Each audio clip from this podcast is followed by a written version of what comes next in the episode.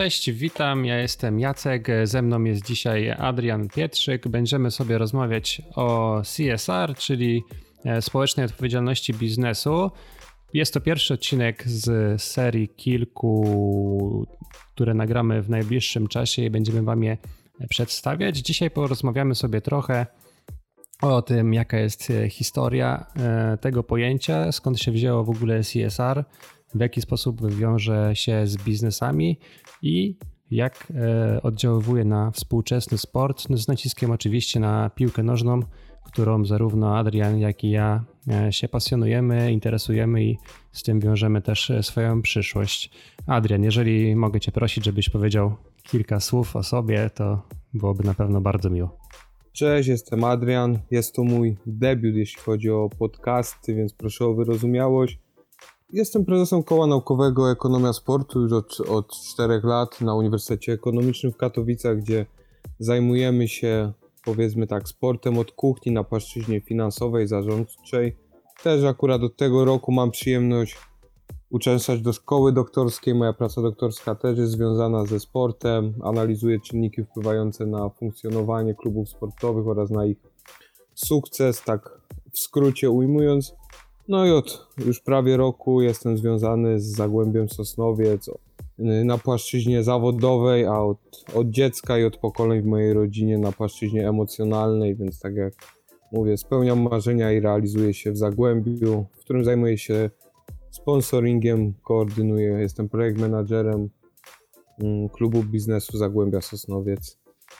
Adrian, jak ty oceniasz CSR, w sensie jakie masz do niego podejście, bo zanim powiedzmy przejdziemy do tej takiej e, bardziej trochę naukowej definicji i chwilowej opowieści, może powiemy kilka słów o tym, jak my pojmujemy tak jakby ten CSR, skąd on się wziął i jakby od kiedy w ogóle masz świadomość, że coś takiego istnieje.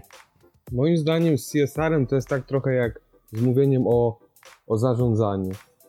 Zarządzanie było od zawsze, już jak budowano piramidy, to trzeba było umieć zarządzać pracownikami, materiałami i całą infrastrukturą, ale o naukowym zarządzaniu mówimy dopiero od około 1900 roku. I tak samo jest, jest z pojęciem CSR.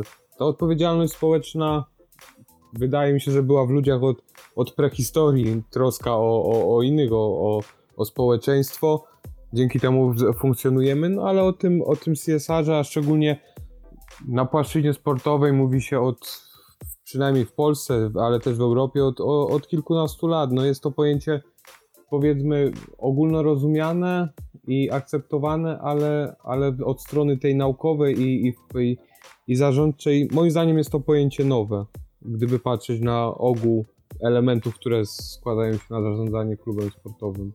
Zgadzam się z Tobą w pełni e, i tak jakby właśnie też robiąc ten rys historyczny, tak jak powiedziałeś e, o zarządzaniu właśnie czy CSR-ze, możemy mówić w kontekście jego takich mm, wyraźnego zarysu początków, gdzieś koło lat 1900, e, kiedy powstawało bardzo dużo już niezależnych biznesów, e, szczególnie w krajach takich jak Ameryka, gdzieś tam na zachodzie, gdzie ten biznes się mocno rozwijał. No i te pierwsze biznesy były nastawione w 100% na zysk, tak? Tacy Rockefellerzy, z tamtych czasów używali wszelkich forteli, starali się unikać podatków, czy nawet czasami posuwali się do oszustw i kłamstw tylko po to, żeby jak najbardziej się wzbogacić i to w społeczeństwie było odbierane coraz e, bardziej negatywnie, ponieważ ci biedni ludzie zauważali ten cały wyzysk i niesprawiedliwość, która z tego płynęła. Natomiast biznesmeni nie mieli żadnego takiego poczucia, że są za coś odpowiedzialni i tak naprawdę pojęcie CSR zrodziło się z potrzeby uregulowania tych biznesów, które poprzez nadmierny konsumpcjonizm i komercjalizację chciały się nadmiernie bogacić, natomiast mm, nie za bardzo brały właśnie pod uwagę to, że są częścią tej społeczności, tego swojego otoczenia i też powinni dbać o jego rozwój, bo to może być tak naprawdę mm, dla nich korzystne. No tutaj musimy wrócić, e, zobacząc trochę z tematu, musimy wrócić jednak do, e, do tych koncepcji wczesnych zarządzania, prawda? Teraz traktujemy przedsiębiorstwo, wszystko to, co nas otacza, jako ekosystem, coś otwartego. Wtedy jednak, wracając do czasów tam Taylora i, i początków tego zarządzania, człowiek był tylko trybikiem w maszynie i wszystko musiało wyglądać jak w automacie. Mieć swoje miejsce i, i, i robić e, swoją robotę. To było takie powiedzmy e, reifikowanie tych, tych, tych pracowników, no ale na szczęście z czasem poszło, poszło wszystko do przodu i, i wiemy, że człowiek w przedsiębiorstwie i, i, i ludzie, którzy otaczają to przedsiębiorstwo są czymś więcej niż tylko trybikiem w maszynie e, naszego systemu. Dokładnie, to bardzo cen, cenne uwagi, że to wszystko też wraz ze świadomością całego społeczeństwa, jak i osób zarządzających się rozwijało i przez to też biznesy zaczęły mm, być poddawane różnym e, obostrzeniom poprzez e, właśnie nakładanie podatków, nakładanie na nie kolejnych odpowiedzialności oraz kodyfikację ich działania i z czasem też pomogło to wykształcić się trochę innym mm, pochodnym tego CSR-u, ponieważ CSR jest niejako takim ojcem, matką czy źródłem pewnych e, nauk, o których dzisiaj e, sobie porozmawiamy. I tak z CSR-u pochodną jest e, coś takiego jak etyka biznesu. To w jaki sposób biznesy w ogóle prowadzą swoją działalność i w jaki sposób komunikują się ze swoimi interesariuszami. Tak samo właśnie analiza interesariuszy, czyli stakeholder analysis, to wynika z CSR-u poprzez potrzebę wyszukania i komunikacji z naszymi interesariuszami i dotarcia do tego, czego oni od nas oczekują i w jaki sposób ten biznes powinniśmy poprowadzić, żeby wszyscy na tym zyskiwali, a nasz biznes e, się rozwijał. Jeszcze kolejnym takim ciekawym zagadnieniem jest mierzenie w ogóle CSR-u e, poprzez e, Corporate Social Performance, czyli tak naprawdę po to wykonuje się strategię i wprowadza do, do życia organizacji i klubów, żeby później to jakoś zmierzyć i ewentualnie tę strategię e, analizować. Powiedz może, jak to wygląda na, na poziomie pierwszej ligi piłkarskiej, czy jak swojego doświadczenia wynika, czy kluby są w ogóle świadome tego, czy te strategie są budowane, czy bardziej ten CSR jest taki e, wpisany po prostu w działalność tych organizacji, a nie do końca jest e, kształtowany przez e, tych, którzy nimi zarządzają. Powiem tak, z racji tego, że wywodzę się jednak z tego nurtu total quality managementu i, mm, i cenię sobie taką standaryzację w każdym aspekcie y, y, zarządzania przedsiębiorstwem, również przedsiębiorstwem sportowym, no to właśnie wrócę do tego, że chociaż te normy, z którymi się spotykamy na co dzień, ISO, funkcjonują od, od, od kilkudziesięciu lat w, w świadomości społecznej y, przeciętnego Kowalskiego, który patrzy na, y, na produkt w sklepie i widzi, że został wykonany z taką, i sta, y, z taką normą taką i posiada taką i taką certyfikację, to warto wspomnieć, że dopiero norma ISO 26K w 2010 roku w ogóle wprowadziła do, do normalizacji, bo ta norma nie jest certyfikowana, wprowadziła do, do firm to pojęcie, czym jest ta społeczność odpowiedzia społeczna odpowiedzialność biznesu. Czyli to raptem się stało 10 lat temu. I powiem tak szczerze, jeśli chodzi o kluby sportowe, no tak jak CSR, tak jak wiele dziedzin jeszcze u nas w sporcie, które wynikają po prostu no, ze zmian też gospodarczych w naszym kraju, które nastąpi, nastąpiły później niż, niż na zachodzie, jest to jeszcze temat, który wymaga dużo uwagi, dużo czasu, który dopiero się rozwija. Widzę, że jest bardzo mocny nacisk i coraz więcej klubów od ekstraklasy po, po okręgówki zaczyna kłaść nacisk na te dobre relacje z przedsiębiorstwem. Wiadomo, że inne cele będą miały kluby z ekstraklasy, a inne cele regionalne kluby na wsiach, ale dążą do, do jednego, do poprawy tego swojego wizerunku i poczucia tego, że jednak klub jest, pełni rolę lokalnego spoiwa, kultywatora tradycji. I jeśli chodzi o pracę nad CSR-em, poziom, poziom CSR-u nie oceniam bardzo wysoko, bo jest nam daleko, dlatego że jesteśmy też biedniejszymi ligami niż ligi zachodnie, a jeśli chodzi o zaangażowanie i, i to parcie do przodu, naprawdę i zaangażowanie ludzi przede wszystkim, którzy pracują w klubach sportowych, oceniam to bardzo dobrze i może jako człowiek jakiś tam, jakoś tam na pewnym stopniu wrażliwy, cieszę się i mam nadzieję, że będzie cały czas szło to do przodu. Czy uważasz, że w naszym kraju ta, to pojęcie CSR-u zyskuje coraz większą y, popularność? Czy jeszcze, wiem, że mieszkałeś w Anglii, to może powiedz coś, porównasz mniej więcej, jak to tam jest odbierane, a tutaj. Znaczy, e, jasne, chętnie wypowiem się na ten temat, natomiast e, też chciałbym nawiązać do tego, co powiedziałeś, poprzez e, odniesienie do właśnie tego, czym ten CSR tak naprawdę jest mm, nie już w takiej teorii, nie w historii, ale w takim mięsie, nie? Czyli czym tak naprawdę on się charakteryzuje i co to oznacza dla klubu. I tak jak właśnie uważamy kluby za ważną część e, w życiu wielu społeczności.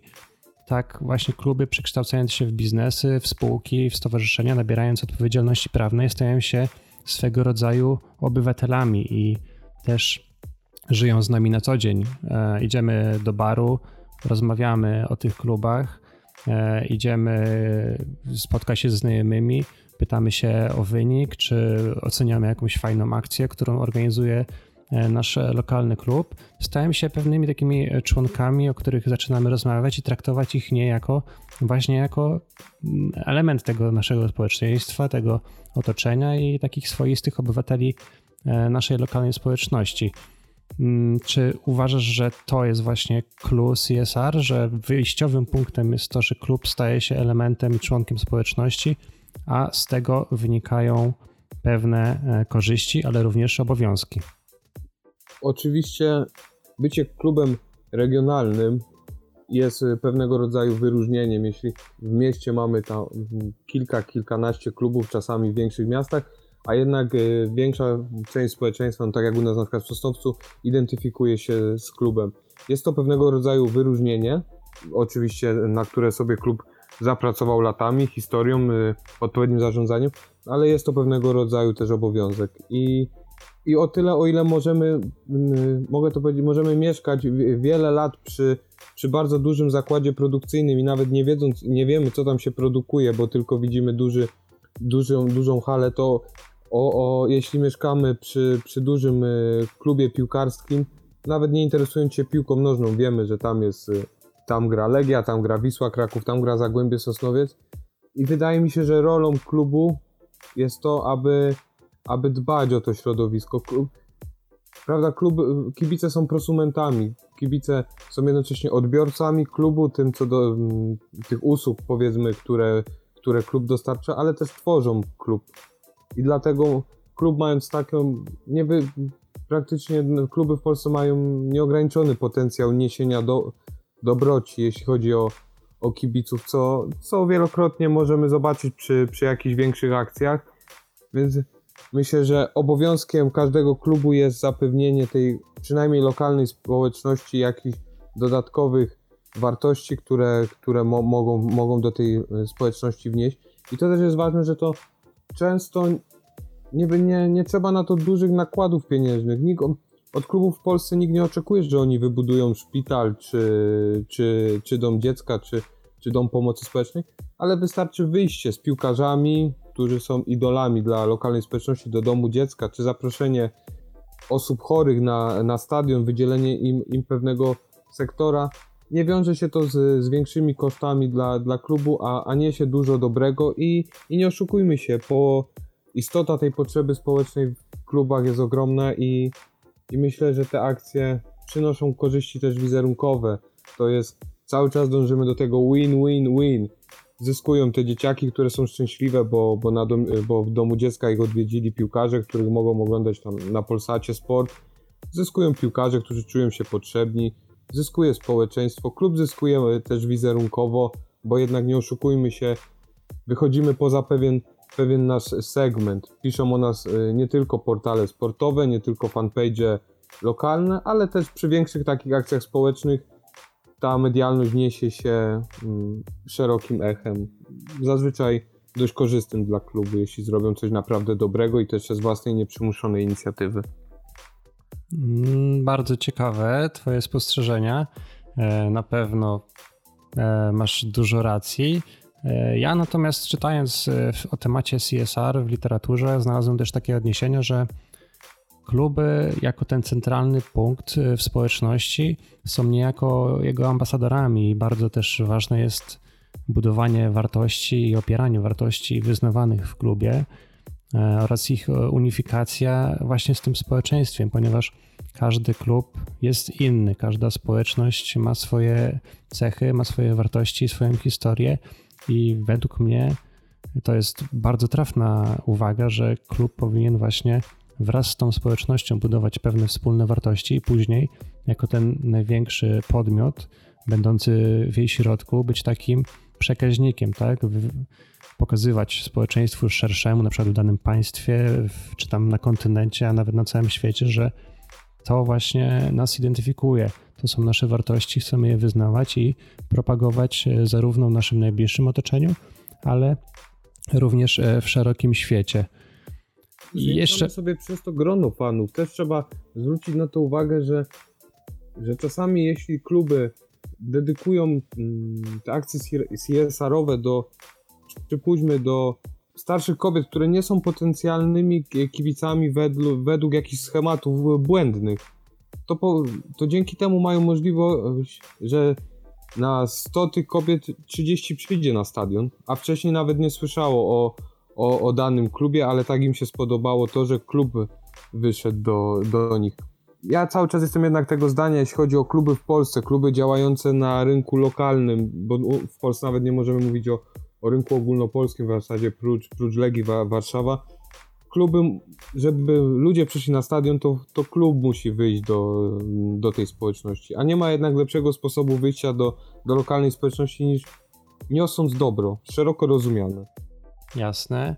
Mm, tak jakby właśnie kończąc już ten temat mówienia o e, klubie jako tej lokalnej społeczności, przejdziemy sobie jeszcze do omówienia aspektów za i przeciw CSR-owi.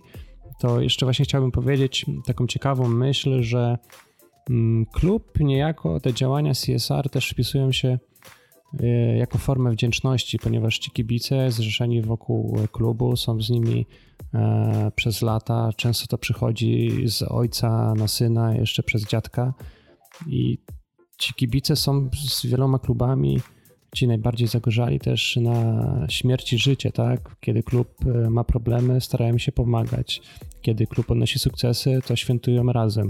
I klub też poprzez te działania pozaboiskowe, poprzez właśnie programy edukacyjne czy prozdrowotne też daje swoją cegiełkę właśnie do tej społeczności w ramach takiej wdzięczności e, za kibicowanie. Czy też tak uważasz?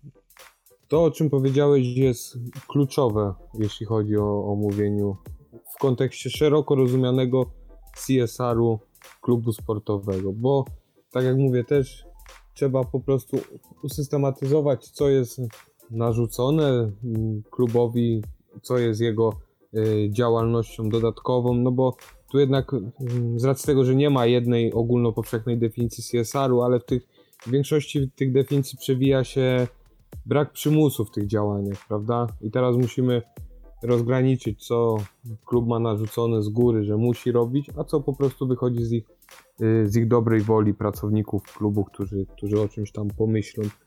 Ja właśnie tak by szukając tych różnych historii i patrząc na tą historię CSR-u, już można by powiedzieć, że tak jak ty mówisz, skodyfikowana jest, czy tam określona mniej więcej przez normy ISO mm, od 10 lat, natomiast tak jak sobie powiedzieliśmy wcześniej, ona towarzyszy biznesom, klubom i ludziom na co dzień od, od tak naprawdę już ponad 100 lat, a tak naprawdę można by powiedzieć, że od zarania dziejów.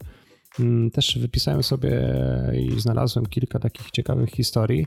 I chciałbym właśnie nawiązać, że jeżeli e, nie dajecie nam wiary, to polecamy na przykład taki serial na Netflixie Angielska Gra, który niedawno miał swoją premierę. I według mnie tam jest pokazana ta walka właśnie klasy robotniczej e, z, mm, z władzą i te różnice między nimi, natomiast jest też świetnie pokazana i to można bardzo dobrze wyłapać, jaka jest rola piłki nożnej, ale też klubów w danej społeczności, że w tych mniejszych miasteczkach, jak pokazane jest w tym filmie, e, w tym serialu, to właśnie ten klub jest takim centralnym ośrodkiem, wokół niego toczy się trochę życie.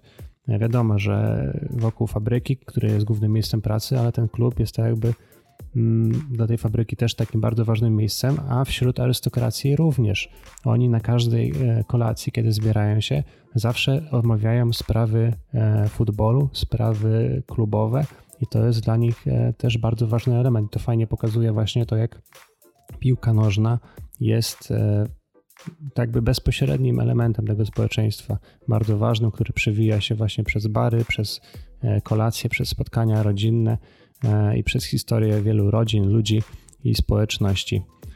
Chciałbym też jeszcze wspomnieć o bardzo fajnym klubie, którym jest Union Berlin, który tak naprawdę dopiero niedawno zadebiutował w Bundeslidze, natomiast jego związek ze społecznością berlińską i jakby obraz takiego klubu antykomunistycznego też bardzo wpisał się w historię i związek e, ze społecznością e, tego klubu. I choć nigdy nie osiągali wielkich sukcesów, bo nigdy wcześniej nie grali w najwyższej klasie rozgrywkowej, zawsze zmagali się z różnymi problemami, spadali do czwartej, piątej ligi. Natomiast ci kibice zawsze tam byli i tak naprawdę w całej Europie i czy tam nawet na świecie Union Berlin jest postrzegany jako klub e, kultowy.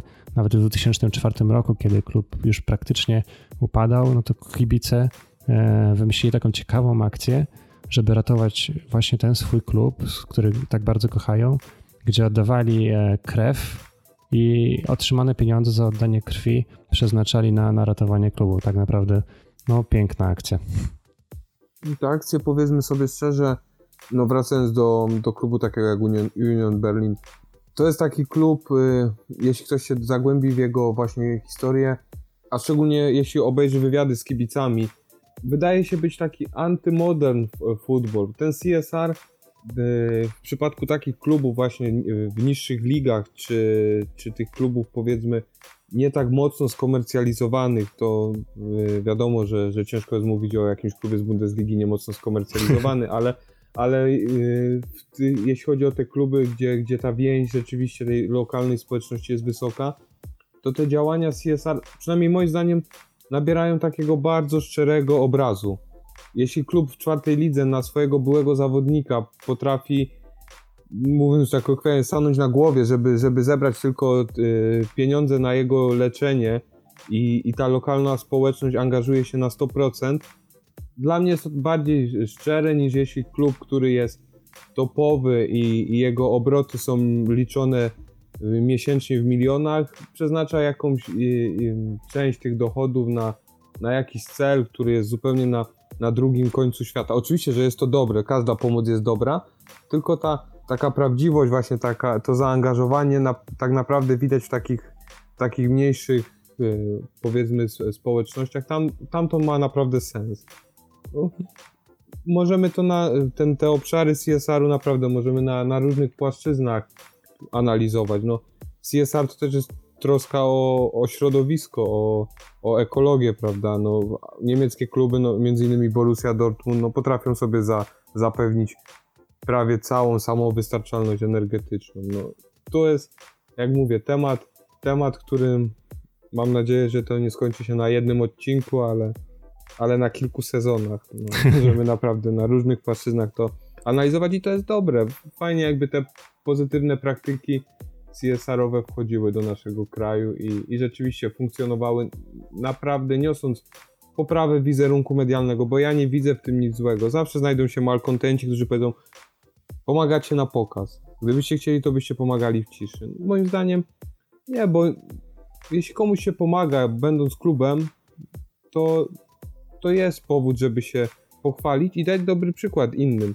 A, a tak jak już mówiłem, klub mając kilkanaście, kilkadziesiąt tysięcy kibiców potrafi rozpętać taką lawinę dobra, która może być nie do zatrzymania w niektórych przypadkach. Nie wiem, czy się ze mną zgodzi, że, że nie ma w tym nic złego, jeśli klub się tym chwali i odnosi wizerunek medialny. Nie, no oczywiście i tak jak e, podkreśliłeś, właśnie chodzi o to, że chwaląc się dobrymi działaniami też szerzymy tą dobroć, dajemy ludziom do myślenia i też dajemy dobry przykład dla innych e, podmiotów, które otaczają nasz klub, czy to naszych e, partnerów, naszych sponsorów, ale też może po prostu klubów z naszej ligi, a nawet niższych, żeby ich zainspirować do tego działania. Ja chciałem się jeszcze odnieść do tego, co powiedziałeś o komercjalizacji, że właśnie ta komercjalizacja nie zawsze idzie e, w parze z tym CSR-em. I wracając jeszcze na chwilkę do tego Unionu Berlin, tam bardzo fajne jest to, oni są bardzo mm, niekomercyjni, nastawieni przeciw tej komercjalizacji. I pamiętam, jak oni zaczęli walkę z e, Lipskiem, kiedy właśnie Red Bull tam przejął e, wpływy w tym klubie i bojkotowali nawoływali do bojkotu wszystkie kluby i wszystkich kibiców, przez co zrobił się taki ogólnoniemiecki trend do tego, żeby ten Lipsk bojkotować i zarówno w drugiej Bundeslidze, jak i w pierwszej Bundeslidze podczas meczów domowych z RB Lipsk przez pierwsze 15 minut w ogóle nie było dopingu e, na stadionie Unionu w ramach właśnie takiego protestu. A co ciekawe, e, klub poszedł ze swoimi fanami i bodajże przed tym sezonem właśnie, kiedy e, mieli grać w Bundeslidze, a może to było jeszcze jak Red Bull grał w drugiej to odwołali nawet mecz sparingowy w wakacje E, za namową kibiców, tylko po to właśnie, żeby pokazać, że ta komercjalizacja i to jakby no, kupowanie klubu i wszystkiego za pieniądze jest e, niesprawiedliwe i że tak się nie powinno dziać. Także też ciekawy przykład. A przechodząc do kolejnego punktu naszej rozmowy, czy widzisz może w CSR-ze jakieś zagrożenia? W CSR-ze zagrożenie widzę takie, jak w każdym aspekcie zarządzania przedsiębiorstwem, y, klubem sportowym, czyli powiedzmy y, sobie pewnego rodzaju nadużycia. Y, to mogą być na przykład nadużycia prywatnych właścicieli klubu, którzy przez ten CSR będą bardzo mocno promować swoją markę, co może być nie do końca etyczne. Podam taki przykład ogólny, nie, nie, będę, nie będę tutaj wchodził w szczegóły, ale przypuśćmy, jest firma, która handluje piłkami, robi zbiórkę wśród swoich kibiców y, pieniędzy na zakup y, sprzętu dla domu dziecka i za te pieniądze kupuje piłki u siebie po wyższej cenie niż gdyby zrobili to powiedzmy sobie w, w dyskoncie sportowym. No, takiego pewnego rodzaju nadużycia są niestety w tych niższych powiedzmy tych mniej kontrolowanych yy, działalnościach są, są na porządku dziennym, z czym co jest prawda, no, no coś zrobili, nie możemy im zarzucać, ale mogli zrobić to lepiej. No myślę, to jest takie zagrożenie, które, które jest nieodłączną częścią yy, CSR-u, ale, ale myślę, że przynajmniej z tego, co ja obserwuję w klubach pierwszej ligi, tam Y, ekstraklasy, czy w klubach zaprzyjaźnionych w niższych ligach, którym gdzieś tam coś doradzam, rozmawiam, pomagam. Są to naprawdę marginalne przypadki i, i myślę, że, że takie sytuacje nie powinny mieć wpływu na rozwój CSR-u w Polsce. A ty widzisz jakieś inne i może jak się odniesiesz do tego, czy spotkałeś się kiedyś z takiego rodzaju nadużyciem? Mm, szczerze mówiąc, to nie przypominam sobie, żeby ktoś jakoś tak ewidentnie nadużywał e, tego pojęcia i działalności CSR-u. Natomiast y, może odniosę się do tego w ten sposób, że CSR y, i te działania, które podejmujemy jako klub, jako organizacja, są też odpowiedzialnością, ponieważ jeżeli nie mamy mm, strategii zaplanowanej tych działań CSR-owych, tylko opieramy się na jednostkowych y, działalnościach, na jednostkowych akcjach charytatywnych, czy też organizacji właśnie jakichś zbiórek, tworzeniu jakichś może klubów dla naszych e, kibiców niepełnosprawnych, to może się to odbić, e, jeżeli nasza polityka i strategia nie będą spójne.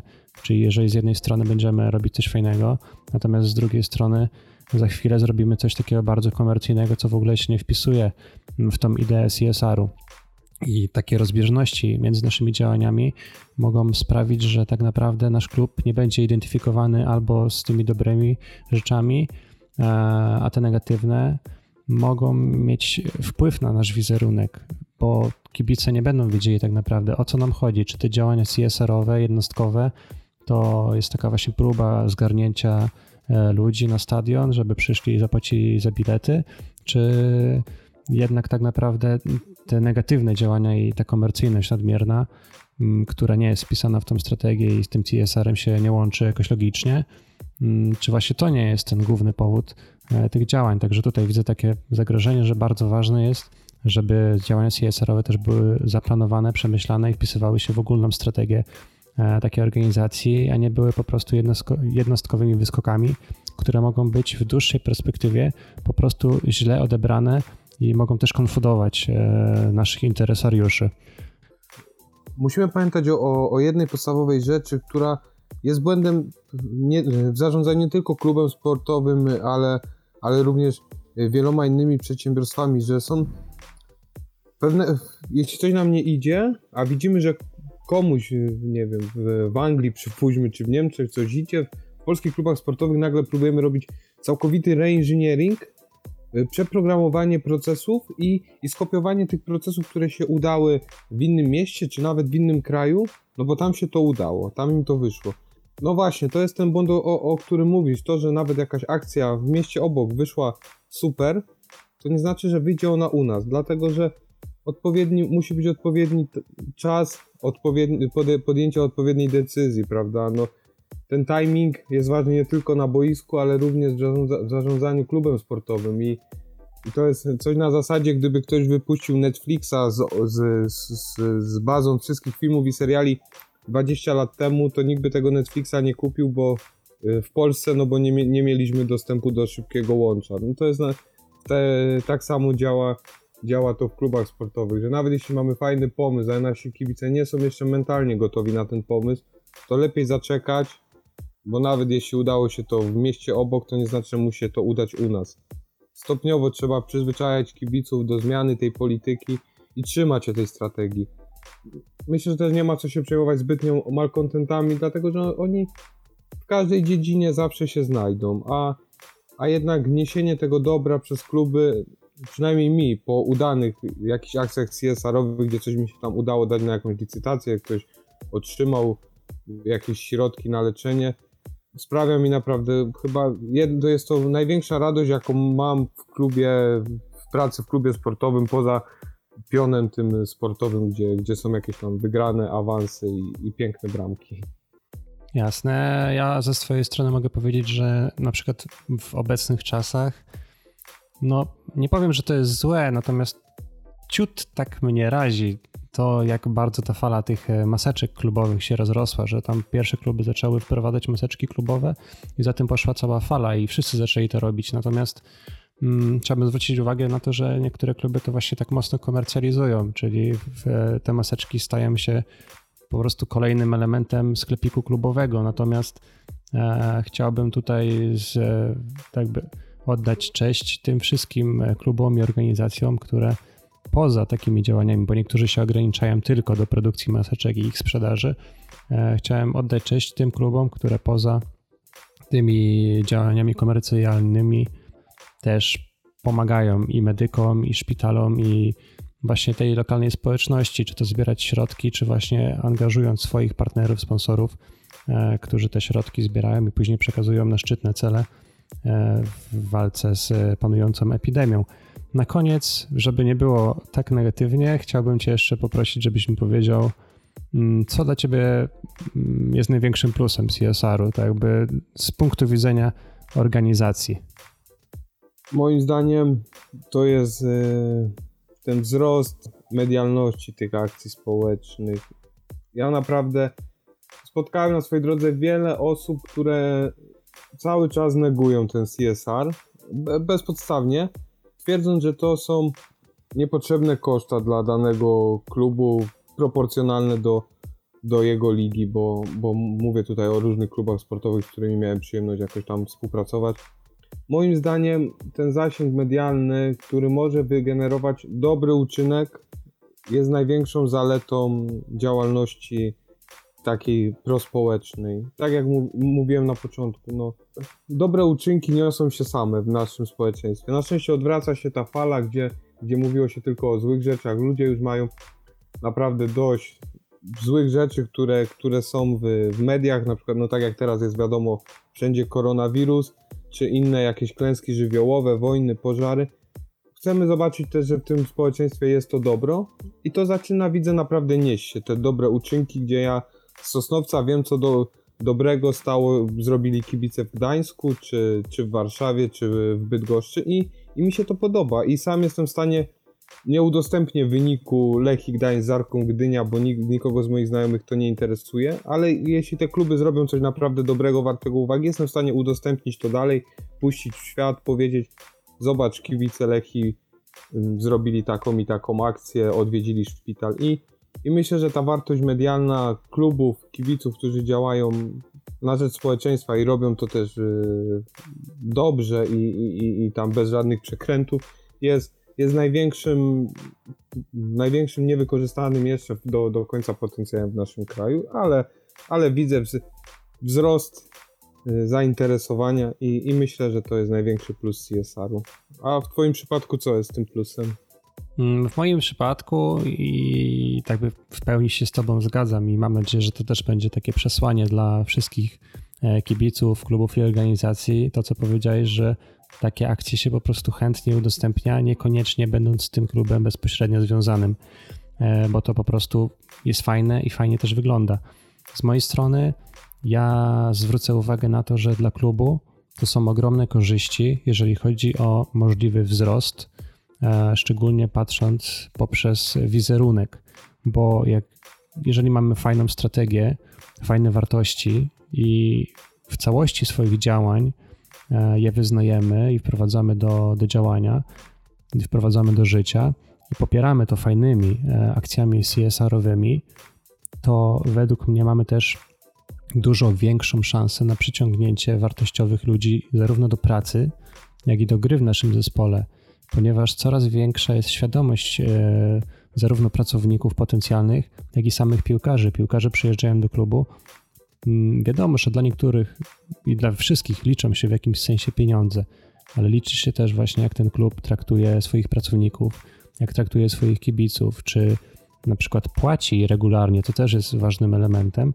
ale jeżeli też wyznaje takie wartości i ta społeczność widać, że jest taka mm, spójna i się spina w jedną całość, to myślę, że taki piłkarz, czy też agent, który z nim współpracuje, prędzej e, zgodzi się, czy doradzi właśnie temu piłkarzowi, żeby wybrał nasz klub, a nie ten z zamiedzy, który e, ma trochę gorszą opinię w społeczeństwie. To jest dla mnie ten największy, największy plus.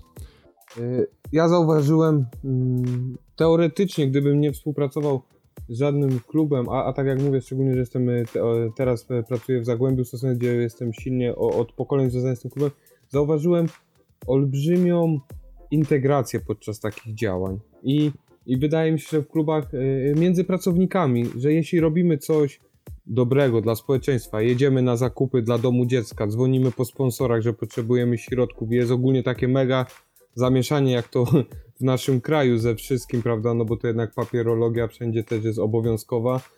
Ale pracownicy w ten sposób, mimo że pojawiają się nerwy przy takich akcjach często, to potem się bardziej integrują i, i pamiętam, że mieliśmy dużo problemów ze zrobieniem paczek dla domu dziecka, że już po prostu aż były czasami zgrzyty między nami, no bo to jednak y, też są różne obostrzenia, jeśli chodzi o, o domy dziecka, ale pamiętam, że jak i powiem tak szczerze, trochę y, później nawet żałowałem, że się wziąłem za, za organizację tej akcji, za ten pomysł.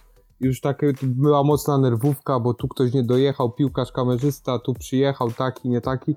Ale potem jak wyszliśmy do tego domu dziecka, te dzieciaki się do nas przytuliły cieszyły się z tych prezentów, to cała ta, te emocje, które były między nami, pracownikami, piłkarzami i, i, i innymi osobami, które brały w tym udział z, z urzędu, powiedzmy, cała ta złość te przeszła i, i naprawdę tak nam to pomogło się jakoś zintegrować bardziej niż jakieś, nie wiem, wyjście integracyjne. I, i to też jest ważny element.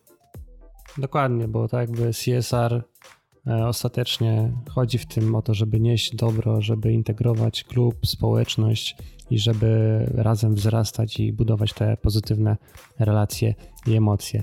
W tym momencie myślę, że tym właśnie pozytywnym akcentem możemy zakończyć naszą dzisiejszą rozmowę, natomiast e, już wkrótce na pewno będziemy kontynuować temat CSR-u i zapraszamy wszystkich słuchaczy na następny odcinek. E, z tej strony był Jacek Jańczyk i Adrian Pietrzyk. Dziękujemy, pozdrawiamy i do usłyszenia.